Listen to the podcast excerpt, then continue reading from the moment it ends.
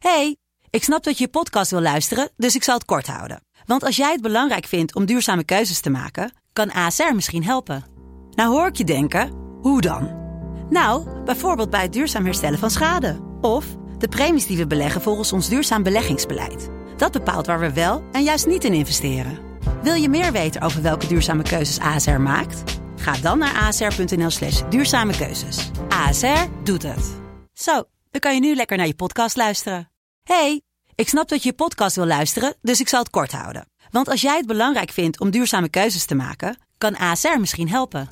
Nou hoor ik je denken, hoe dan? Nou, bijvoorbeeld bij het duurzaam herstellen van schade. Of de premies die we beleggen volgens ons duurzaam beleggingsbeleid. Dat bepaalt waar we wel en juist niet in investeren.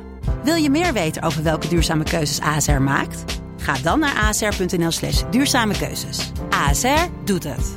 Zo, dan kan je nu lekker naar je podcast luisteren.